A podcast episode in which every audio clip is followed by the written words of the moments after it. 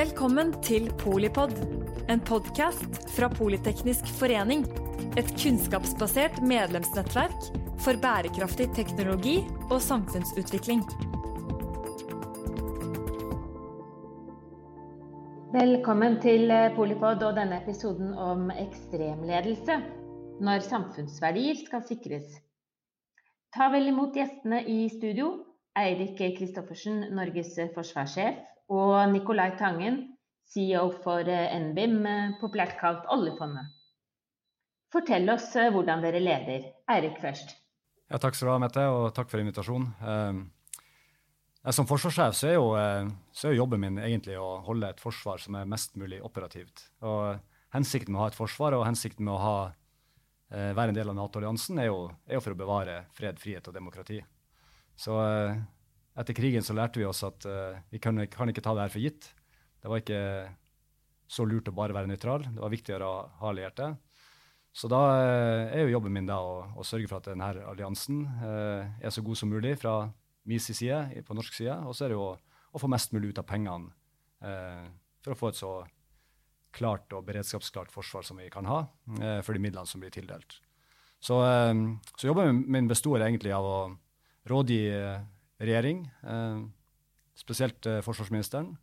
Og så er det å, å lede Forsvaret, og i tillegg holde eh, nær kontakt med, med forsvarssjefer både i, i, Nato og også, også forsvarssjefer som er gode venner, sånn som f.eks. Sverige og Finland, som ikke er medlem av Nato. Og Det som er, kan du si, er den store utfordringa i dag, er jo at, at uh, verden er jo uh, igjen prega av uh, stormaktsrivalisering. vi ser et Russland og Kina, som er mer selvhevdende, eh, og som også bygger opp eh, kapasiteter. Eh, og at Kina f.eks. vokser, er jo noe vi alle ønsker. Problemet er jo at, at vi som er en del av Nato og den vestlige alliansen, vi fremhever nettopp verdiene fred, frihet og demokrati. Og verken Russland eller Kina kan, kan betegnes som demokratiske og land som har full frihet. Så det er litt av utfordringa. Eh, vi ønsker på en måte fremgang i verden, og samtidig så ønsker vi å, å ta vare på verdiene. Av og til så kommer det i motsetning. Så måten jeg, jeg leder Forsvaret på, er jo, er jo, gjennom det vi kaller intensjonsbasert ledelse. Altså jeg gir ut eh, målsetninger til, til, mine sjefer, og så, og så, får de ganske stor handlefrihet til å løse de eh, oppgavene som de skal, for å være, være så klar som mulig og få maksimalt ut av, eh, av pengene, de også. Og Min jobb eh, handler jo også om å ta vare på verdier, men en litt annen type verdier. Det er jo finansielle verdier som jeg tar vare på. Og Min målsetning er jo eh, veldig klar, det ligger i mandatet, at vi skal eh, ta vare på verdiene og forhåpentligvis øke verdiene for fremtidige generasjoner. Og Det skal vi da gjøre innenfor et rammeverk hvor vi er ansvarlige, og hvor vi tar riktig type risiko. Og Det jeg driver med til daglig, er jo da naturligvis å se på hvordan vi skal investere. Det er å se på prosessene våre. det er å og ha kontakt med, med, myndigheter og Finansdepartementet og Norges Bank og, og, andre organer. Og så er det jo selvfølgelig å motivere medarbeiderne. Og eh, det jeg gjør, måten jeg jobber på, er jo veldig inkluderende. og Snakker mye med de ansatte og forankrer tingene vi skal gjøre. Og så handler det jo om altså den type mennesker som vi har i oljefondet. Kan ikke, jeg kan jo ikke instruere, på en måte, så det er mer å motivere. Så Eirik, det er nok lettere for deg å gi ordre enn det er for meg. Eh, det er ikke det som Det er ikke sånn eh, jeg kan på en måte eh, motivere de ansatte i oljefondet. Det er sannsynligvis en litt annen måte å jobbe på, selv om det naturligvis har mange ting til felles. Ja, nei, jeg, tenker jo at det er et veldig viktig poeng. altså det å, det å, motivere folk er jo det som får organisasjonen i rett retning og, og oppnår best resultat. Så, så, ledelsen i Forsvaret er jo, er jo sånn typisk intensjonsbasert og oppdragsbasert, som vi kaller det. Det betyr at vi, at vi gir stor handlefrihet til folkene våre. Og, og, vi vil bort fra den ordrebaserte ledelsen som, som kanskje fortida var mer prega av. Så, eh, så der er nok mange like sammenhenger. Eh, det handler nesten mer om å skape kan du si, eh, det amerikanerne kaller for unity og effort. Altså det at vi jobber i samme retning, som det å gi konkrete ordrer, også for meg. Så, så, så lenge målsettingen er kjent, så vil jo folk, i min erfaring, gjøre sitt beste for å nå de. Mm. Jeg vil jo tro at vi har eh, mange typer samme mennesker, på en måte, altså som har en, eh, en dyp eh, følelse av, av, mening i det de driver med. Altså Hos deg vil jeg jo tro det handler om å forsvare landet og, og, gjøre noe positivt. Hos oss er det jo virkelig dette her med å forsøke å få pengesekken til å bli større. og og vi er jo bare 520 mennesker som står for 25% av statsbudsjettet. Så det er virkelig en, eh, en, viktig jobb vi har. Særlig i disse tidene hvor, eh, hvor vi jo trenger pengene. Jeg tenker at den, den, ansvarsfølelsen som det medfører da, for deg, må jo være, være, være noe du kjenner på hele tida. Uh, mitt resultat vil jo måles best ved at det ikke skjer noe. Uh, I og med at Forsvaret er en beredskapsorganisasjon. Så lenge det, vi klarer å på en måte driver med avskrekking og er troverdig nok forsvar til at ingen utfordrer sikkerheten vår, så har vi gjort jobben. Men det betyr også at det ikke skjer noe. Men for dere så er det jo veldig tydelig i oljefondet hvordan denne eh, formuen enten stiger eller synker. Så det er jo veldig målbart eh, sånn sett. Ja, vi måles jo nesten hvert sekund. Så jeg vil jo tro at vi sover ca. like dårlig begge to. ja. Jeg så ganske godt da, Nikolai. Men altså, verdiskaping eh, Det høres ut som den ene tjener pengene, den andre bruker den og, og til samfunnets eh, beste. Men, eh, men, hvordan ligger det i hvordan bygger dere kompetansen rundt egen organisasjon? Dere har to flotte organisasjoner begge to. En liten og en veldig stor. En kanskje spisskompetent, og en som også tar inn de unge. Jeg har selv en, eh, en eh, førstegangsgutt eh, inne akkurat nå. Så hvordan bygger dere kompetansen, og hvordan skiller dere dere fra hverandre på det? Jeg fikk et, fikk et veldig godt, et godt, spørsmål en gang fra Eller et, et godt eksempel. Da. Vi skulle til Kabul i 2007, og så var forsvarsministeren på besøk. og så, og så sa hun til oss at hun var sikker på at vi fikk bruk for alt vi hadde lært når vi skulle nå til Kabul. Og så var det en som sa han var litt usikker på det her dykkerkurset i Bergen. For det er jo ikke, er ikke veldig mye vann i, og sjø rundt eh, Kabul. Eh, og da så forsvarsministeren på han og sa, og vi alle humra litt, sånn som vi gjør nå. Eh, og så sa hun at eh, det er bare du som ikke har skjønt det. Det handler ikke om hva du har lært, men at du har lært å lære. Og det stemte jo. Altså, vi fikk til og med bruk for de maritime entringsteknikkene våre eh, i Kabul når vi skulle opp på høye bygg som var, som var okkupert av eh, terrorister. da. Så, eh, så, det handler veldig mye om å lære å lære. Men samtidig så har jo Forsvaret også en veldig sånn, eh, lang tradisjon for profesjonsutdanning. Alt fra rekruttskolen som, som eh, han førstegangstjenestegutten din har vært inne gjennom, og så helt til, til hvordan du utdanner både befal og offiserer gjennom krigsskole, f.eks. Eh, men vi ser jo at, at, vi er helt avhengig av et mangfold. Så, så det, er, det, er, mange veier inn til Forsvaret. Eh, Dattera mi er også inne til førstegangstjeneste nå. Men nå er jeg utdanna jurist og, og, har gått et uh, kort kurs i Forsvaret for å bli offiser og tilsatt som jurist i Forsvaret. Så, så, vi ser at, eh, at, vi skal beholde mye av det tradisjonelle utdanningssystemet, men vi må også være åpne for, for andre veier inn. Det er jo interessant at vi sitter her nå og snakker om mennesker. fordi Jeg tok jo kontakt med forsvarssjefen for noen måneder siden for å snakke om akkurat dette. Så vi eh, hadde et møte på, på kontoret hvor vi diskuterte dette med hvordan man utvikler organisasjoner. og hvordan man ser på mennesker og talent og utvikling. Så det er jo uh, utrolig spennende, og naturligvis noe som vi er opptatt av, av begge to. Og det er jo uh, mange aspekter ved dette, men det handler naturligvis om å videreutvikle de menneskene man har, og på en måte å ta det beste fra enkelte avdelinger og overføre til andre avdelinger. Dette med å, å på en måte Sørge for at man sprer eh, de beste tingene i firmaet rundt. Og så handler det jo om å eh, videreutvikle og lære å få inn ny kompetanse og nye, nye områder som man skal, man skal, utdanne. Og så er det jo å lære av, andre firmaer, og jeg tenker at det er jo en av de fine tingene med å være i Norge. At alle er lyster lyste på å hjelpe hverandre. For vi konkurrerer jo ikke. Det er jo ikke det at Eirik og meg konkurrerer, for det gjør vi jo virkelig ikke. Men vi har mange ting vi kan, vi kan utveksle erfaringer om. Og så handler det selvfølgelig om uh, å få ny kompetanse inn også, for det må man jo ha. Så det handler om hvordan man profilerer seg mot studenter, og hvordan man jobber på LinkedIn med, å, med kontakt med folk og osv. Profilerer seg eh, Vi har jo historisk sett profilert oss hovedsakelig innenfor økonomimiljøet, men nå er det jo også innenfor IT-miljøet, fordi uh, vi er jo en, en viktig IT-bedrift også. Så det er mange aspekter ved dette. Ja, og det var, det var et veldig nyttig møte vi hadde over en kaffekopp. Der vi snakker om nettopp det behovet for mangfold. Hvis en organisasjon skal utvikle seg, så, så, trenger vi folk med andre synspunkt enn uh, akkurat det tradisjonelle som, som, vi kanskje har gått gjennom i, i, de profesjonene eller de yrkene som vi har. Uh, og jeg ser jo det i, i Forsvaret òg, hvordan vi, vi har gjennom årene i Afghanistan lært oss å jobbe veldig tett med afghanske styrker, der de afghanske styrkene har mye, mye å tilføre oss som vi ikke tenker på når vi kommer inn i et sånt operasjonsområde. Så vi hadde gjort oss i en mye vanskeligere situasjon hvis vi ikke var tett på de, de lokale som kjenner både terrenget og geografien og kultur og skikk. Så det, det er veldig mye å hente på, på mangfold. Og så er spørsmålet hvordan skal vi klare å nyttiggjøre oss det her eh, fremover? For, for, vi må utvikle oss hele tida. Hvis ikke så stagnerer organisasjonene, og så, og så blir vi etter hvert eh, i verste fall irrelevant.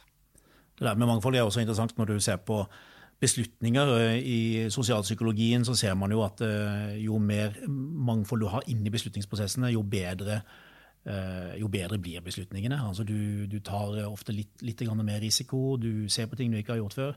Så det blir, det blir, bedre beslutninger, og for oss så blir det rett og slett mer penger av det. Og så tenker jeg at det er godt å ansette folk som tenker helt annerledes, fordi at i kapitalforvaltning så tjener du mest penger der hvor du har rett, og alle er uenige med deg. Og det å kunne stå i denne situasjonen hvor alle er uenige med deg, det krever en spesiell type mennesker. Og da skal du være skrudd sammen på en litt annen måte. Og Det ser vi jo også i, i militære operasjoner. Altså Hvis alle tenker likt, så blir det veldig forutsigbart. Og En av de store fordelene eh, jeg hadde når jeg var i Afghanistan, var at jeg var med spesialstyrkene. Eh, jeg var jo en del av, av eh, Forsvarets spesialkommando. og Jeg var jo aldri bekymra når vi var ute på oppdrag, fordi vi var en liten enhet som, som nettopp var trent for å utnytte kaos. da. Så det gjorde at, at jo mer kaotisk det var, jo, jo, bedre, jo bedre følte vi oss egentlig. og det, det, var en styrke, da. Men det krever jo å sitte og stå i det. hvis vi alle hadde tenkt likt og gjort akkurat det samme, så hadde det vært altfor for lett å, for lette mål, da, for å si det brutalt, med, for fienden. Så, eh, så, det at vi, vi, nettopp klarte å tenke annerledes, og, og, at det var en veldig flat struktur, der alle kunne komme med sin mening og komme med sine innspill, ga også, ga også gode resultater. Mm. Jeg, jeg, tenker jo Dette med kaos er jo interessant, fordi vi har jo kaos noen ganger i kapitalmarkedet ikke vel, med ekstrem volatilitet. Og det er det der å holde, holde hodet kaldt og gjøre de rette tingene når det stormer. Jeg kan tenke for dere når du er under eh, beskytning, og på en måte gjøre de tingene som du er trent til å gjøre, er viktig. Og på samme måte er det jo for oss som kapitalforvaltere. Når det er ekstrem volatilitet, så må du gå inn og på en måte mm, være kirurgisk i det du driver med når det gjelder å forsøke å kjøpe på bunnen og, og dra nytte av, av frykt og, og redsel, egentlig. Så det er litt av det samme. Ja. Nei, jo, jo, vi ser jo det også nå den pandemien, at alle mulighetene som har dukka opp, når vi bare hever oss litt over det at vi ikke kan klemme og møtes eh, sånn som vi ønsker, men når vi hever oss litt over det, så, så er det betydelige muligheter. Og den digitaliseringa som har skjedd eh, eh, også i Forsvaret under pandemien eh, Jeg vil nesten mer si bruken av digitale midler, for vi hadde dem fra før, men vi brukte dem ikke så mye. Eh, har jo medført masse muligheter til både å omprioritere ressurser og penger, og vi har spart folk for mye reiser og, og tid borte fra arbeidet sitt. Og det har gitt nye muligheter også for, å, for, å, for at folk kan jobbe eh, litt forskjellige steder fra, avhengig av hvor de er i, i, i livet. da. Så eh, når jeg var unge, unge elev på krigsskolen, så, så, var det en som sa at en lærer som sa at eh, den eneste måten å behandle folk likt på, var å behandle dem ulikt. Og det stussa jeg veldig på som, som ung leder. Men han, hadde jo helt rett. Altså, du må se folk som det de er, der de er i den fasen av livet, og så må man få det beste ut av det, som også Nikolai var inne på. Hvordan får vi det beste ut av, av folk til enhver tid? Ja, jeg må jo uh, gi deg et lite kompliment her, fordi jeg traff noen unge soldater uh, fra her forleden som var tillitsvalgte i Forsvaret. Og Da spurte jeg om det var noen forskjell uh, med den nye sjefen, og han sa jo, vet du hva, når vi er på oppstilling og, så videre, og han kommer og inspiserer, så er det liksom ikke våpnene han inspiserer, men han spør oss om hvordan det går med oss, og hvor vi kommer fra osv. Så, videre. så de føler seg sett som mennesker på en annen måte. Så der har du tydeligvis innført noe nytt. Og så er jeg jo interessert i å rekruttere dem videre òg, så jeg må jo snakke med dem. Hvis ikke så slutter de jo bare. det er helt riktig. Men dette med, dette, altså, bare for å plukke opp dette med teknologien, så er det jo utrolig interessant. Vi har jo også sett det, vi har jo kontorer i Singapore, New York og London. Eh, og Tidligere så måtte vi jo på en måte dit da, for å treffe selskapene når de gjorde såkalte roadshows, hvor de da treffer investorene. Men nå kan vi jo gjøre det samme for Oslo og, og gjør det på, på, Teams. Og det gjør jo at eh, fleksibiliteten vår når det gjelder hvor vi vil jobbe, er mye bedre. Vi har mer eh, muligheter å gi til de ansatte i oljefondet når det gjelder arbeidssituasjonen osv. Så, så eh, Så det kommer jo til å bli stående igjen som noe positivt fra dette her. Ja, det er jeg overbevist om. Og vi, det tok litt tid før vi skjønte at vi også kan besøke styrkene i utlandet digitalt. Så når jeg og forsvarsministeren har gjort det noen runder nå, så ser vi at det også gir stor effekt. da. Bare det altså, at de får vise oss f.eks. sykehuset som Norge drifter i Kabul. Eh, så viste de oss digitalt eh, gjennom filming live eh, hvordan de mottok pasienter, og, og brakte dem inn til de forskjellige eh, operasjonsrommene som er på sykehuset. Og, og eh, mye tryggere måte å, besøke dem på, og ikke minst eh, når vi er i ferd med å trekke ut, så, så, så trenger de også litt ro. Eh, så det å ta imot besøk ville vært stress både for dem og, og for, for, oss, egentlig. Mm. Så, eh, så, det gir, gir masse muligheter. Vi jobber jo mye med sikkerhetstruslene knyttet til uh, cyber uh, her også, da, i Politeknisk forening. Så dere må jo uh, si noe om det også, i, i det å forsvare og, og, forvalte samfunnsverdier i en digital økonomi. Ja, vi ser det jo veldig tydelig. Altså, vi, det er jo ikke veldig rart at vi er et, et mål her, fordi den pengesekken vår er jo ganske stor. Men vi Eh, altså Vi har noe sånt som 150 000 eh, angrep i året, hvorav eh, mesteparten på en måte bare eh, preller av fordi vi har jo systemer. Men vi klassifiserer jo over 1000 av de som ganske alvorlige. Så eh, dette er jo et satsingsområde som, eh, som, er veldig viktig, og hvor vi ansetter mye mennesker nå. Og ut, ut, utrolig viktig, altså, å, holde orden på disse tingene. Vi ser, vi ser, jo det. ikke sant? Vi, vi, vi tenker fortsatt for tradisjonelt. Altså vi, Etterretningstjenesten følger jo med på det som skjer eh, i og rundt, eh, eller utenfor og rundt eh, Norge. Og da, da følger vi ofte med på, på f.eks. russiske fartøy på overflata, russiske fly. Eh, ting som er lett å se. Men det er alt det vi ikke ser, som er, som er interessant, egentlig. Altså det som skjer i, i cyberdomenet eh, gjennom digitale angrep, det som skjer i, i rommet, ikke minst med satellittovervåkning. Eh, det som skjer under vann, eh, og det som skjer i kan du si, eh, det kognitive domenet. Altså det, det, å påvirke og prøve å splitte, og skape splittelse i befolkninga. Så, så, Norge er jo en nasjon som er, der tilliten er veldig stor mellom folk. Eh, kanskje en av de viktigste kapitalene vi har. Det er den store tilliten som er mellom folk og, og forsvar og, og, myndigheter og maktutøvere. Og det gjør jo at, at vi bruker veldig lite ressurser på, på sikringstiltak. Eh, men vi kan også spisse sikringstiltakene enda bedre mot det som er virkelige trusler. Så, så, så hvis det er en ting som bekymrer meg, sånn, tre ting egentlig som bekymrer meg, det er at vi, vi, blir utsatt for digitale angrep hver dag, som Nikolai har vært inne på. Eh, det skjer også mot storting, det skjer mot, eh, mot Forsvaret, selvfølgelig. og så er det det at, at noen ønsker selvfølgelig å, å, spille på splittelse i befolkninga. Det kan være forhold til Nato, det kan være hva pengene i oljefondet skal gå til spille på de her skillene som, som oppstår. Uh, så det blir vi utsatt for uh, hele tida. Og, og, kanskje det at da, hvis det, det da svekker tilliten, så, så, har vi et problem. Ja, og Disse kreftene er jo helt enorme. Microsoft sa jo at dette SolarWind-angrepet, der mente de at det hadde vært 1000 profesjonelle hackere som jobbet sammen på heltid. Og det, jo, det sier jo litt, altså. Og Samtidig så er jo også den digitaliseringa som vi har i Norge, har gjort at vi vi har også tålt eh, koronapandemien veldig godt. Eh, vi har digitale løsninger på betaling. Vi har, vi har muligheten til å jobbe på Teams, eh, som Nikolai sa, er, og andre digitale hjelpemidler. Um, og folk eh, kanskje, har kanskje ikke følt seg så ensomme da, fordi vi er gjennomdigitalisert. Altså fra besteforeldre til, til små barn så kan man møtes eh, på skjermen i hvert fall, og se hverandre. Eh, som er veldig vanskeligere i, i mange andre land, som, helt, som ikke er kommet så langt i, i, i digitaliseringa. Hva gjør vi rett etter korona? da? Det er jo ikke lenge til. Eh, hvordan skal vi bygge landet fremover? Først så skal vi ha en post-koronafest. Ja. det tror jeg blir veldig viktig. Det fortjener vi. Eh, det mener jeg oppriktig. Jeg hadde jo fire prioriteter for Forsvaret, og, og verdiene var pri én. Eh, også de andre var litt mer tradisjonelle.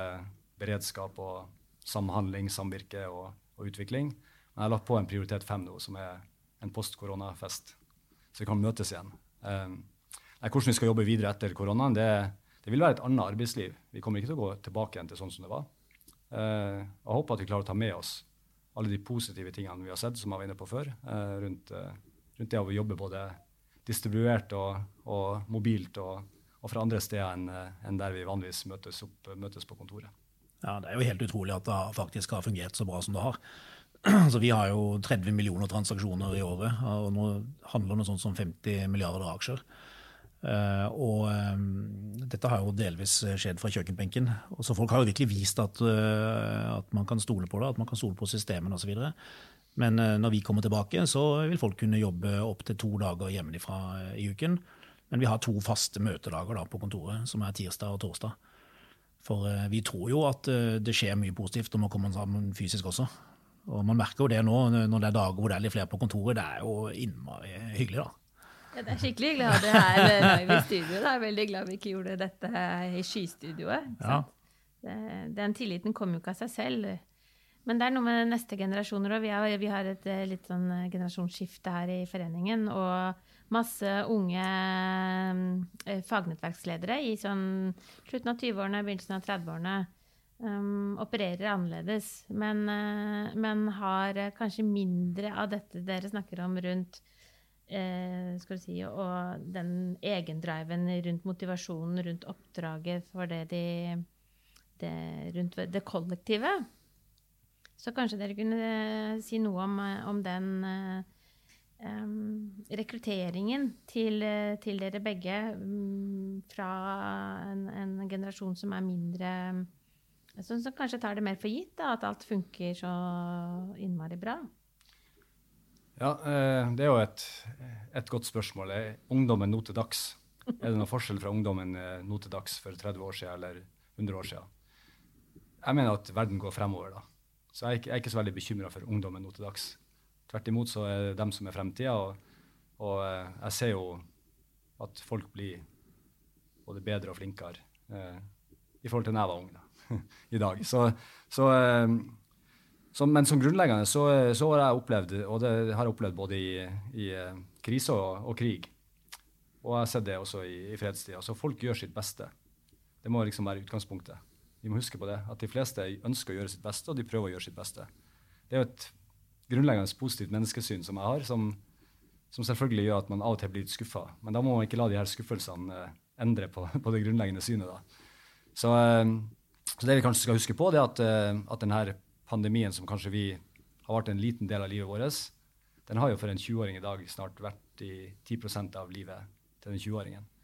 Så, uh, så, de har sittet på, på studenthyblene og jobba, uh, og kanskje lært seg noen ting som ikke vi lærte, men, men samtidig så, så, føler nok de et veldig behov for å treffes. da. Så jeg likte veldig godt det som Nikolai sa også.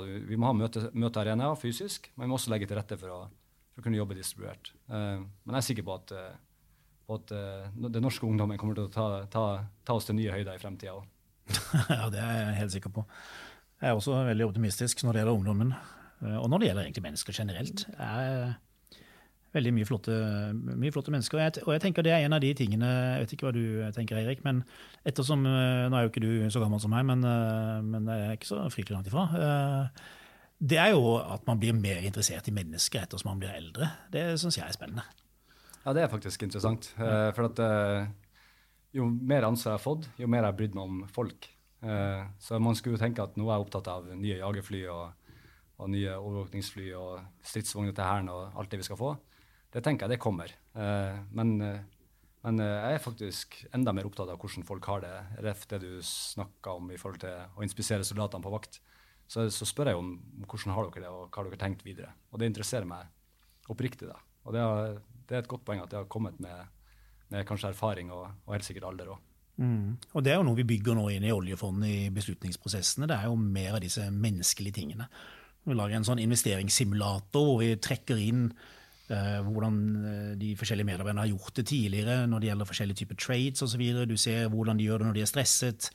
Uh, og Grunner til at de gjør det, det er å trekke inn altså mer av psykologien og forstå hvordan den fungerer for den enkelte. Og på en måte gi det tilbake til den personen da, i, i, beslutningene. Det er det vi holder på å utvikle nå. Det er veldig spennende. Og så tror jeg det er veldig mye det som, eh, som forsvarsministeren sa til oss i 2007.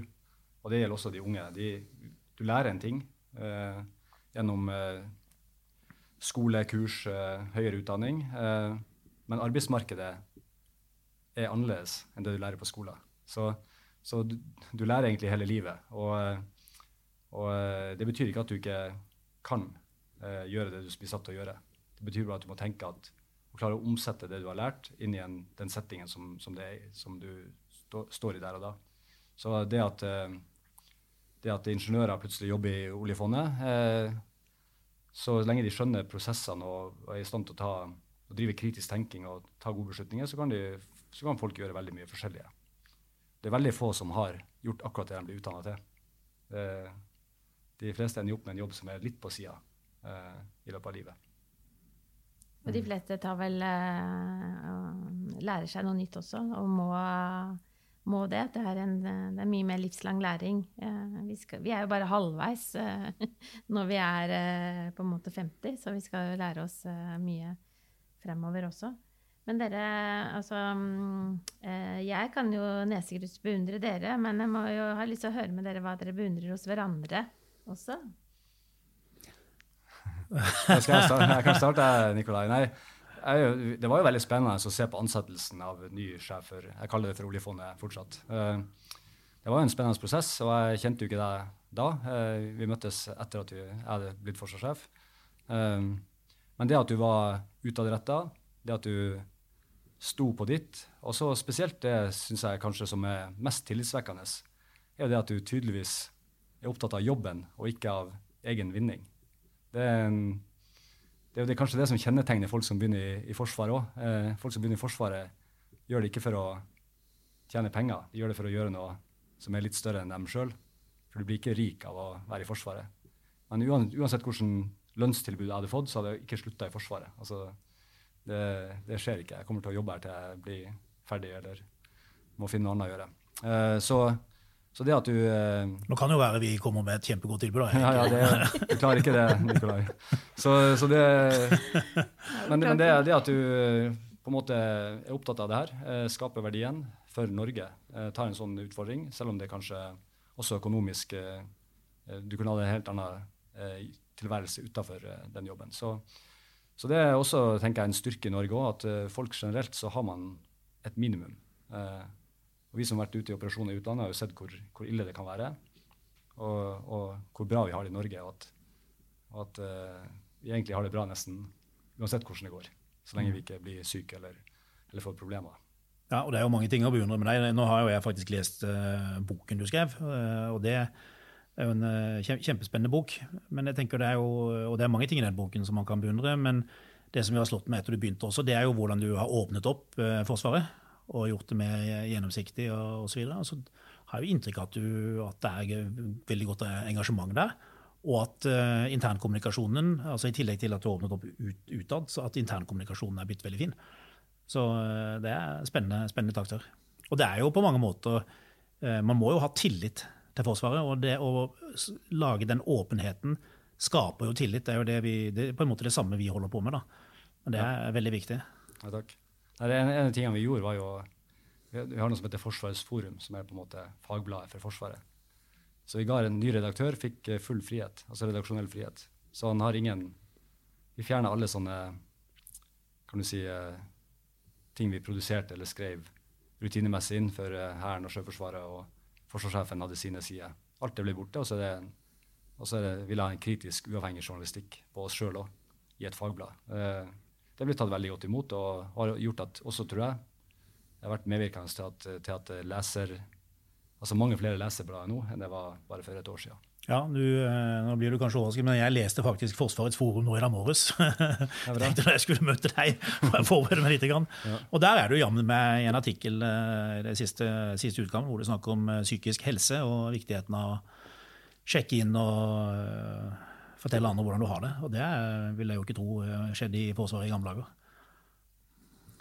Altså Dere leder under kriser. Dere, jeg kaller det ekstremledelse. Det er kanskje våre lyttere er mer sånn på vanlig endringsledelse. Men, men øh, øh, hva vil dere si knyttet til å, å, på en måte ta lærdommen ut i praksis? da, rundt det å, motivere mennesker. og og har dere et eh, stalltips til uh, ja, hvis, jeg, hvis jeg, begynner, altså, jeg syns dette her begrepet endringsledelse er interessant, da, for det er virkelig noe jeg ikke skjønner noen ting av. fordi Ledelse handler automatisk om å endre. for Hvis du ikke endrer deg, så er det jo ikke noe vits å lede.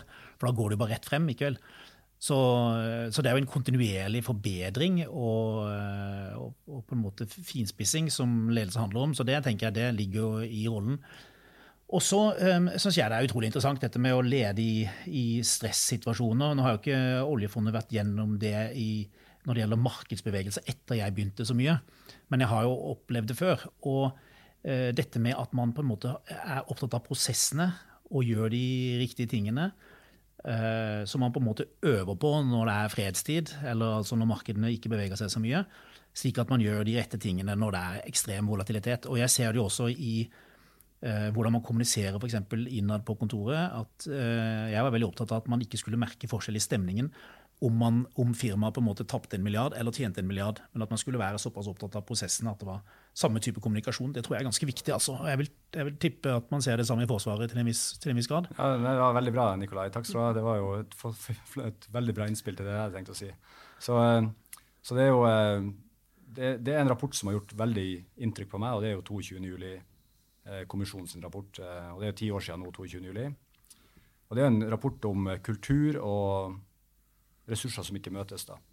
Så mitt prosjekt har jo vært akkurat i tråd med det du sier, Nikolai, nemlig å ha et forsvar som er, som er så likest mulig organisert i fredstid som det vi skal være i, i krise og krig. For det må være den samme roen, om det går bra eller om det går dårlig. Og da må, da må det være organisert og satt opp, både organisatorisk og prosessmessig, sånn at overgangene ikke blir store. For det, det er ikke sånn at, at, at lederne plutselig uh, stiger til nye høyder når en krise inntreffer. Uh, det er det vi gjør til daglig, som legger grunnlaget for hvordan vi leder i en krise og en krig. Og da, um, da må vi faktisk uh, utfordre oss sjøl i dypeste fred eller i dypeste ro. Og så, og, så, og så det som skjer da når en krise inntreffer, og da snur man seg til, til lederen veldig fort. Og da forventer man avgjørelser. og da må vi har ledere som er både tilnærmelig, at folk vil snakke med oss, og, og også er tilgjengelig, eh, og gjerne til stede. Som gjør at, at, vi faktisk får de her signalene tidlig nok til at, eh, til at krisen ikke blir for stor. Så rådet da, til eh, nesten 30 000 lyttere av denne podkasten? Ja, rådet mitt er jo, er jo, å stole på seg sjøl. Eh, stole på, eh, på at eh, det som kjennes rett, og som, eh, som, eh, som man tenker det er riktig å gjøre, må man gjøre det. Uh, og så skal det aldri, hvis man har tid, å sjekke det ut med, med, med omgivelsene. Sånn at lytte på råd, men, men, til slutt så handler det om å, å stole på seg sjøl. Ja, og det, det, er et godt råd, men jeg tenker også at det handler om å gjøre mest mulig forskjellige ting. Fordi For det første så har du det mye mer gøy. Og så eh, Du opplever jo flere ting, du treffer flere mennesker, og jeg tror det gjør deg til et mer eh, interessant og spennende menneske også. Og at det gir, eh, gir mer mening. Det jeg opplever med, med mange unge, unge, mennesker i Forsvaret i dag, er at, at de føler et press på å gjøre det veldig bra. Og det, veldig ofte er det et selvpåført press. Så, så hvis det er en ting som har utvikla seg siden jeg var ung, så er det nettopp det her eh, ønske om å gjøre det så, så, veldig bra. De er vant med å gjøre flink, de er flinke på skolen. De er, de er, mer bevisst på enn jeg var, i hvert fall, på, eh, på hvordan, eh, hvordan resultat jeg egentlig oppnådde. Eh, og det, jeg var opptatt av det på idrettsbanen, jeg var ikke opptatt av det utenfor der. Men jeg opplever at, at selvpåført press man prøver å legge av seg. Folk er gode nok. Det er også et, et råd. Ja, jeg er helt enig i det. Og så blir jeg spurt noen ganger ja, hvordan, eh, hvordan, skal vi spare eh, La oss si det nå er en 20 år gammel eller 25 år gammel person. Da. Hvordan skal vi best spare pengene våre eller investere pengene? Og Da sier jeg bare at du skal ikke spare pengene i det hele tatt. Du skal bruke pengene dine. For det du ser på sånn uh, lykkemaksimering, det er at du skal bruke penger når du er ung, og så skal du spare det tilbake igjen når du er gammel. Og er, Du skal bruke det på ikke materielle ting, du skal bruke det på opplevelser og på reiser. Det gir evig nytte. Og det gir deg perspektiver og knagger å henge ting på senere i livet. Så eh, burde, sparing kommer eh, seinere. Vi burde egentlig så burde vi ha snudd litt på lønnssystemet. Altså, ja. Det er jo når du er fra 20 til du er 35 du trenger penger. Det er jo ikke etterpå. Absolutt.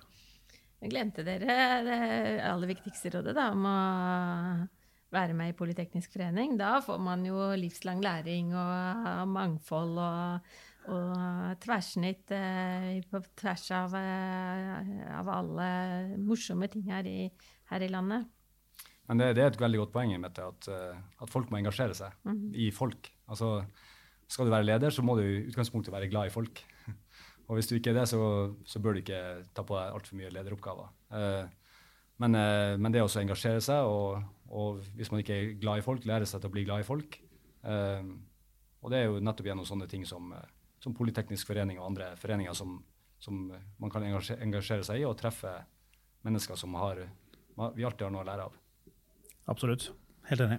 Tusen takk, Eirik Kristoffersen, Norges eh, forsvarssjef. Og tusen takk, Nicolai Tangen, CEO for eh, NBIM, dvs. Si eh, sjefen for oljefondet. Takk også til deg som lytter til Polipod når og hvor du har lyst.